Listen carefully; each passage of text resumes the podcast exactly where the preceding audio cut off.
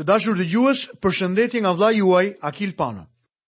Sot jemi duke studiuar në kapitullin e 6 të Ungjillit sipas Lukës. Tema e këtij kapitulli është Jezusi mbron dishepujt që këputën kallzat e grurit ditën e Sabatit. Jezusi zgjedh të 12-tët, Jezusi jep predikimin në fushë. Pjesa e parë e këtij kapitulli është pothuajse një përsëritje e ungjijve të tjerë sinoptikë Kjo pjesë fillon me veprimin e Krishtit në ditën e Sabatit. Ngjarja e parë ndodh në fushën ditën e Sabatit. Lexojmë tek Ungjilli sipas Lukës kapitulli 6, vargun e parë deri në vargun e 5. Ndodhi që një të shtunë, pas së shtunës së madhe, ai po ecte nëpër arat me grurë dhe dishepujt e vet këputnin kallinj, i shkoqnin me dorë dhe i hanin. dhe disa nga farisenjtë u thanë, përse bëni atë që nuk është e lejueshme të bëhet të shtunën? Por Jezusi duke u përgjigjur u tha, A nuk keni lexuar çfarë bëri Davidi dhe ata që ishin bashkë me të kur i mori uria? Si hyri në shtëpinë e Perëndisë, ai mori bukët e paraqitjes, hëngri vetë dhe u dha të hanë dhe atyre që ishin bashkë me të, ndonëse nuk ishte e lejueshme për asnjërin që t'i hante, përveç priftërinjve. Pastaj u tha atyre, Biri i njeriut është Zot edhe i së shtunës. Ndërkohë që dishepujt këputën kallzat dhe i shkoqisnin me duart e tyre, farisenjtë i akuzuan se shinin grurë ditën e sabatit. Ata nuk po shkelnin ligjin e Moisiut sepse ai i lejonte ata të këpusnin kallza. Për këtë, duhet të shohim tek Ligji i përtërirë në kapitullin e 23, vargjet 24 dhe 25. Nëse ata do të kishin prerë atë me drapër, atëherë kjo mund të quhej korrje.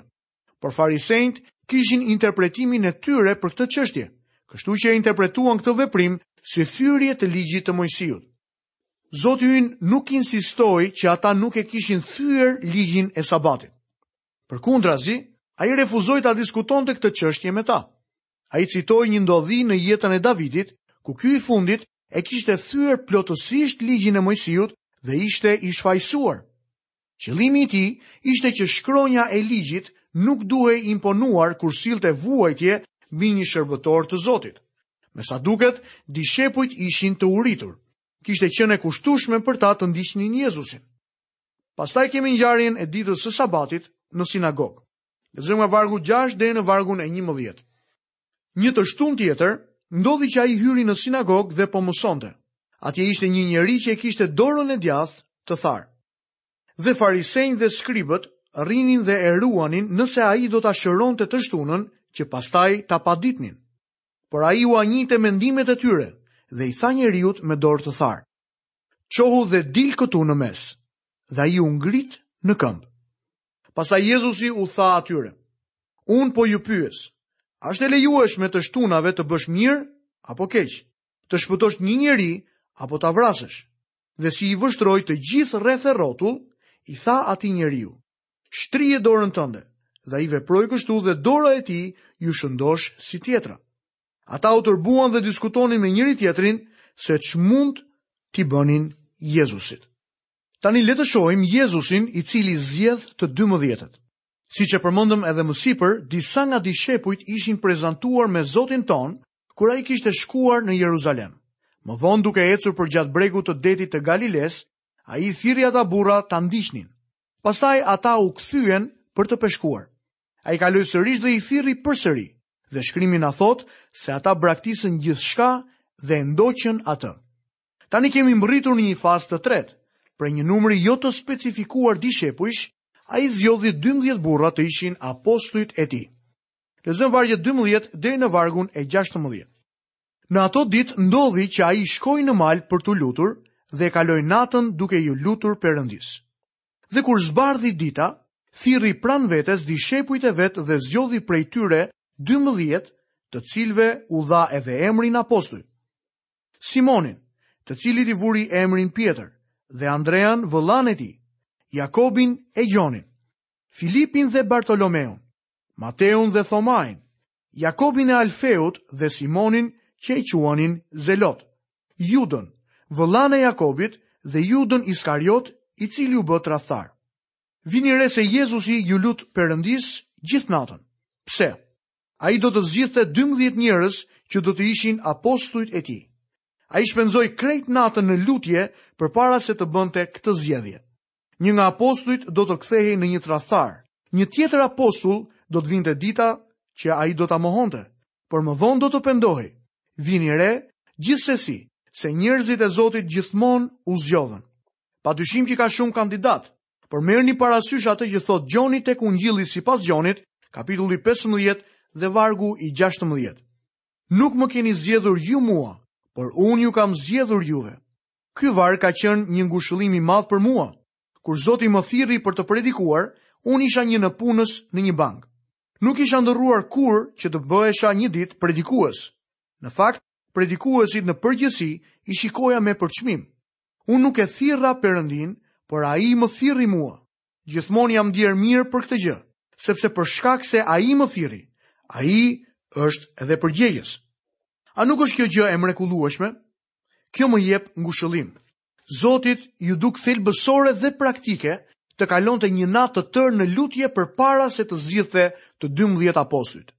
Njerëzit e zgjedhur për punën e Zotit duhen zgjedhur në bazën e lutjes. Rroba e Elias nuk ra rastësisht mbi Elizeun. Ajo ishte parashikuar të binte aty. Procedura aktuale e kishës për zgjedhjen e njerëzve që do të përmbushin detyrat është larg nga standardet e Zotit. Ne ndjekim ndjenjat tona dhe konsultojmë dëshirat tona egoiste. Përdorim thuprën njerëzore më tepër sesa shkopin matës të Zotit. Ne duhet të kalojmë kohë me Zotin para se të marrim vendimet tona. Lexojmë vargjet 17 deri në vargun e 19.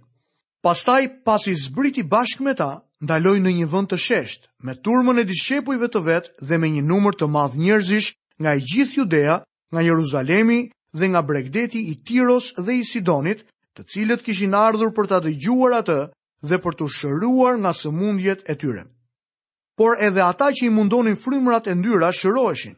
E gjithë turma kërkonte ta prekte, sepse prej tij dilte një fuqi që i shëronte të gjithë. Ashtu siç e kam thënë edhe më parë, turma të tëra njerëzish u shëruan në këto raste. Në ditën e Zotit u shëruan me mijëra njerëz. Njerëzit që shëroi Jezusi nuk u duhej të bënin ndonjë gjë. Zoti ynë mund t'i shëronte ata edhe në largësi. Shërimet e kryera nga Zoti ynë ishin të vërteta dhe për ta vërtetuar këtë, ne kemi deklarimin edhe të Lukës, i cili ishte doktor. Është mirë që gjithmonë në çdo rast ta çosh problemin tënd fizik tek mjeku ynë i madh.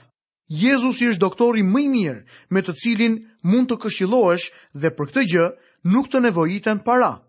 Nuk ka rëndësi nëse je apo jo i siguruar që ai të mund të të shqyrtojë çështjen tënde.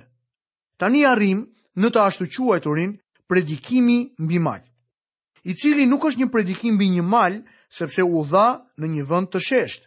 Sigurisht që predikimi mbi mal u dha mbi një mal, ashtu siç është regjistruar tek Ungjilli sipas Mateut. Mirëpo ngjashmëria e përmbajtjes na lë të kuptojmë se Zoti e dha këtë mësim shumë herë. Ne nuk kemi nevojë për harmoninë e ungjijve, aq sa kemi nevojë për kontrastin e tyre. Gjëja e veçantë në këtë predikim është ndryshimi i tij në lidhje me predikimin tek Mateu. Ka pjesë që janë lënë jashtë, disa shtesa, bekime dhe mallkime, qëndrime dhe gjykime. Le të shohim më poshtë vargjet 20 deri në vargun e 22. Ai si i drejtoi sytë nga dishepujt e vet, thoshte: Lum ju të varfër, se juaja është mbretëria e Perëndisë. Lum ju që tani keni uri, sepse do të ngopeni. Lum ju që tani qani sepse do të qeshni.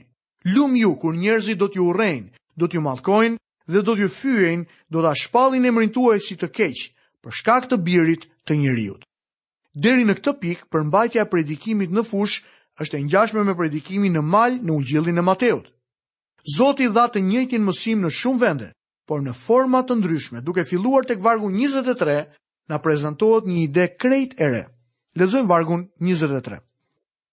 Gëzohuni atë ditë dhe hidhuni nga gëzimi sepse ja, shpërblimi juaj është i madh në qiell, në të njëjtën mënyrë etërit e tyre i trajtonin profetërit. Ky varg flet për pritjen dhe qëndrimin e njerëzve ndaj profetëve të Zotit. Profeti i vërtetë që flet për Zotin persekutohet. Profeti i rremë që përfaqëson keq Zotin përkrahet nga njerëzit. Profeti i vërtetë duhet të ketë besim tek Zoti dhe të mbajë një besim të qetë, besim që shkon përtej gjërave që shihen tek ato që janë të përjetshme. Kjo është çfarë e mban një njeri të vërtetë tek Zoti. Vargjet 20 dhe deri tek vargu 22 flasin për të varfrin, të uriturin dhe të dobëtin, të cilët urrehen, qortohen, konsiderohen të dëbuar dhe quhen të këqij, Gjithçka që duhet të bëni është të hidhni vështrimin mbrapa në Testamentin e Vjetër për të parë se kjo është e vërtetë. Madje është e vërtetë edhe sot. Njeriu që predikon fjalën e Zotit do të ketë kohë të vështira në jetën e tij. Nëse nuk kalon kohë të vështira, atëherë diçka nuk shkon, nuk është në rregull. Profetët e rremë ishin dhe janë të pasur dhe kishin me shumicë për të ngrënë.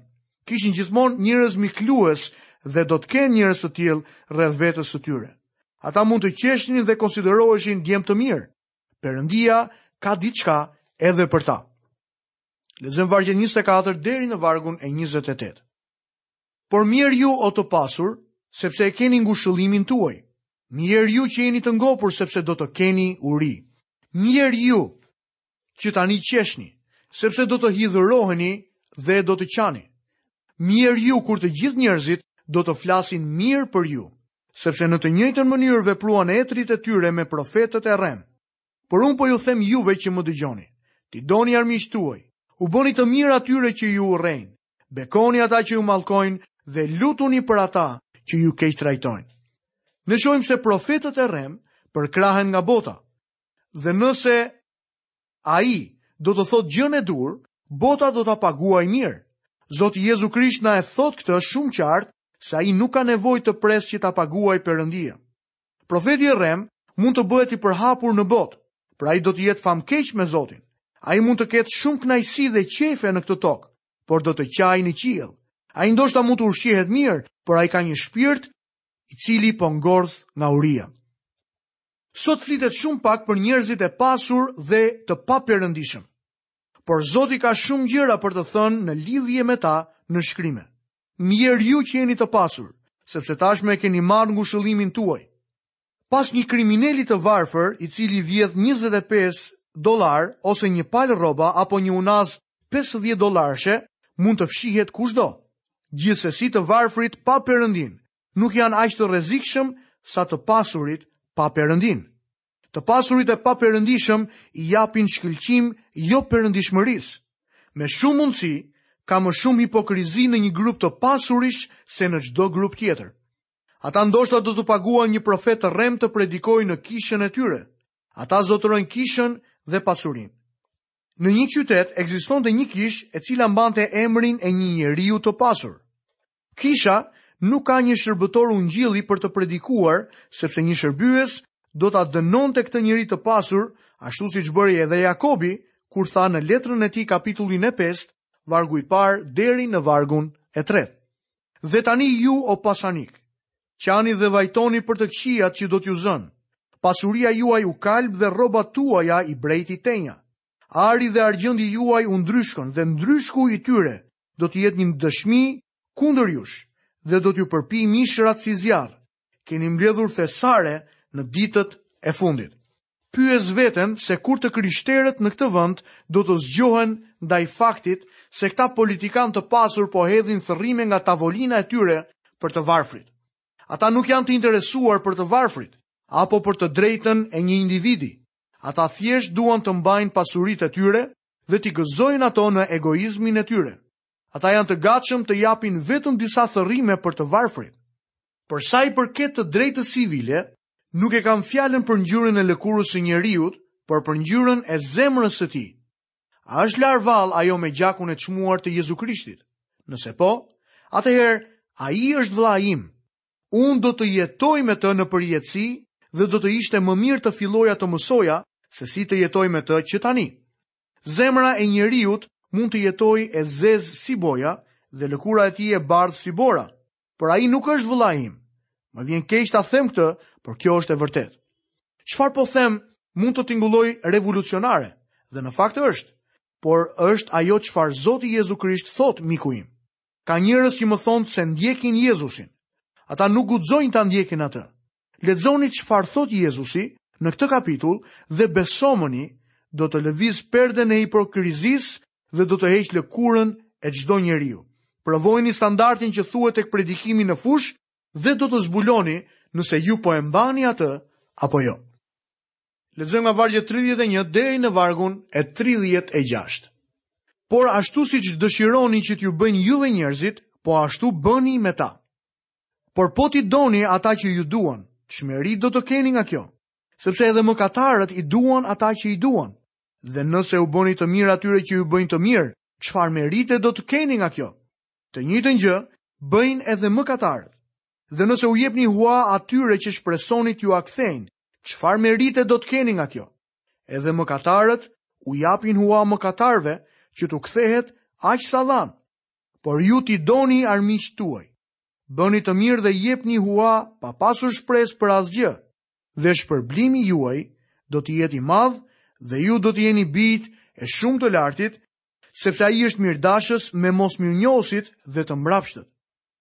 Jini të mëshirshëm pra, sikurse edhe ati juaj është i mëshirshëm.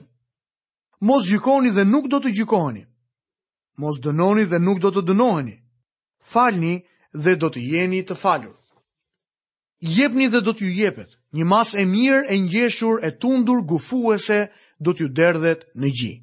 Sepse me atë masë që do të matni, do t'ju matet edhe juve gjithashtu. Pastaj ai u tha një shëmbëlltyrë.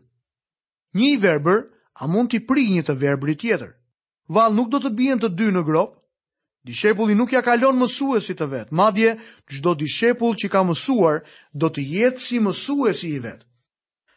Po pse ti e shikon lëmishten në sy të vëllait tënd dhe nuk e sheh traun në syrin tënd? Ose si mund t'i thuash vëllait tënd, vëlla, më lër të të heq lëmishten që ke në syrin tënd, kur ti vetë nuk e sheh traun në syrin tënd. O hipokrit, nxirre më parë traun nga syri yt dhe atëherë do të mund të shohësh mirë për të nxjerrë lëmishten nga syri i vëllait tënd. Sepse nuk ka pemë të mirë që të japë fryt të keq, as pemë të keqe që të japë fryt të mirë. Çdo pemë pra, njihet nga fryti i vet, sepse nuk mblidhen fiq nga gjembat dhe nuk vilet rrush nga ferra. Njeriu i mirë e nxjerr të mirën nga thesari i mirë i zemrës së vet, dhe njeriu i mbrapshtë e nxjerr të mbrapshta nga thesari i keq i zemrës së vet, sepse goja e njërit flet nga mbushullia e zemrës. Përse më thirrni Zot Zot dhe nuk bëni atë që ju them? Shërbesa e një kishe që po kërkon popullaritet nuk guxon ta përmend mëkatin. Disa përdorin vërtitjen e psikoanalizës për të shpjeguar ligësinë e jashtëzakonshme të mëkatit. Quhet një relike e një xhungle teologjike. Sipas shumë predikuesve modern, mëkati nuk është krim kundra Zotit. Ata kanë frikë të thonë se Perëndia e urren mëkatin dhe se Jehova është një burrë lufte. Për të qenë i drejtë në sytë e Zotit, nuk mund të bësh komplimenta ndaj egos tënde, të përkdhelësh krenar, të qeshësh mbi mëkatin dhe të vendosësh krem të ftohtë në kancerin e mëkatit. Ti nuk mund të shkruash një recetë filozofie dhe ta përmbushësh atë në kënaqësitë e botës. Vendi i vetëm ku mund të shkosh është nën këmbët e kryqit. Pikërisht atje, Perëndia kryen një operacion të rëndësishëm kirurgjik dhe duhet bërë një krijesë e re në Jezu Krishtin. Ky është mesazhi që kemi tek predikimi në mal. Ky është mesazhi që Zoti u dha shumë herë grupeve të ndryshme të njerëzve. Zoti e mbyll me këtë shëmbëlltyrë. Lexojmë vargjet 47 deri në vargun 49. Çdo njeri që vjen tek unë dhe dëgjon fjalët e mia dhe t'i vërë në praktikë, unë do t'i tregoj kujt i ngjan. Ai i ngjan njeriut që kur ndërtoi shtëpinë e vet, gërmoi shumë thellë dhe vendosi themelin mbi shkëmb. Erdhi një vërshim, përroi u sul mbi atë shtëpi, por s'e tundi dot sepse e kishte themelin mbi shkëmb. Përkundrazi, ai që e dëgjoi dhe nuk i vuri në praktikë, I ngjan njeriut që e ndërtoi shtëpinë mbi tokë dhe pa themel. Kur iu sul përroi, ajo u shemb menjëherë dhe rrënimi i saj qe i madh. Shtëpia që u ndërtua në shkëmb qëndroi. Shtëpia që u ndërtua në rërë u shemb. Ekziston një shkëmb mbi të cilin duhet të ndërtojë një themel që të qëndrojë. Shkëmbi është Jezu Krishti. Apostulli Pal tha, Sepse askush nuk mund të hedhë themel tjetër përveç atij që është i hedhur, i cili është Jezu Krishti. Miku im, ku po e ndërton ti themelin tënd? Ku është vendosur shtëpia jote?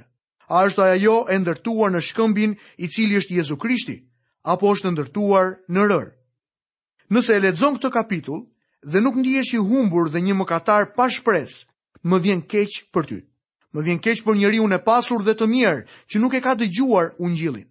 Kushdo mund të kapet tek shkëmbi i fortë që është Krishti. Ai do të shpëtojë pa para dhe pa çmim. Ejani tek Jezusi me besim të thjeshtë dhe besojini Atij. Të dashur dëgjues, këtu kemi përfunduar dhe emisionin e sotëm. Nga vëllai juaj Akil Pano paçi një ditë të mrekullueshme dhe të mbushur plot me bekimet e Perëndisë.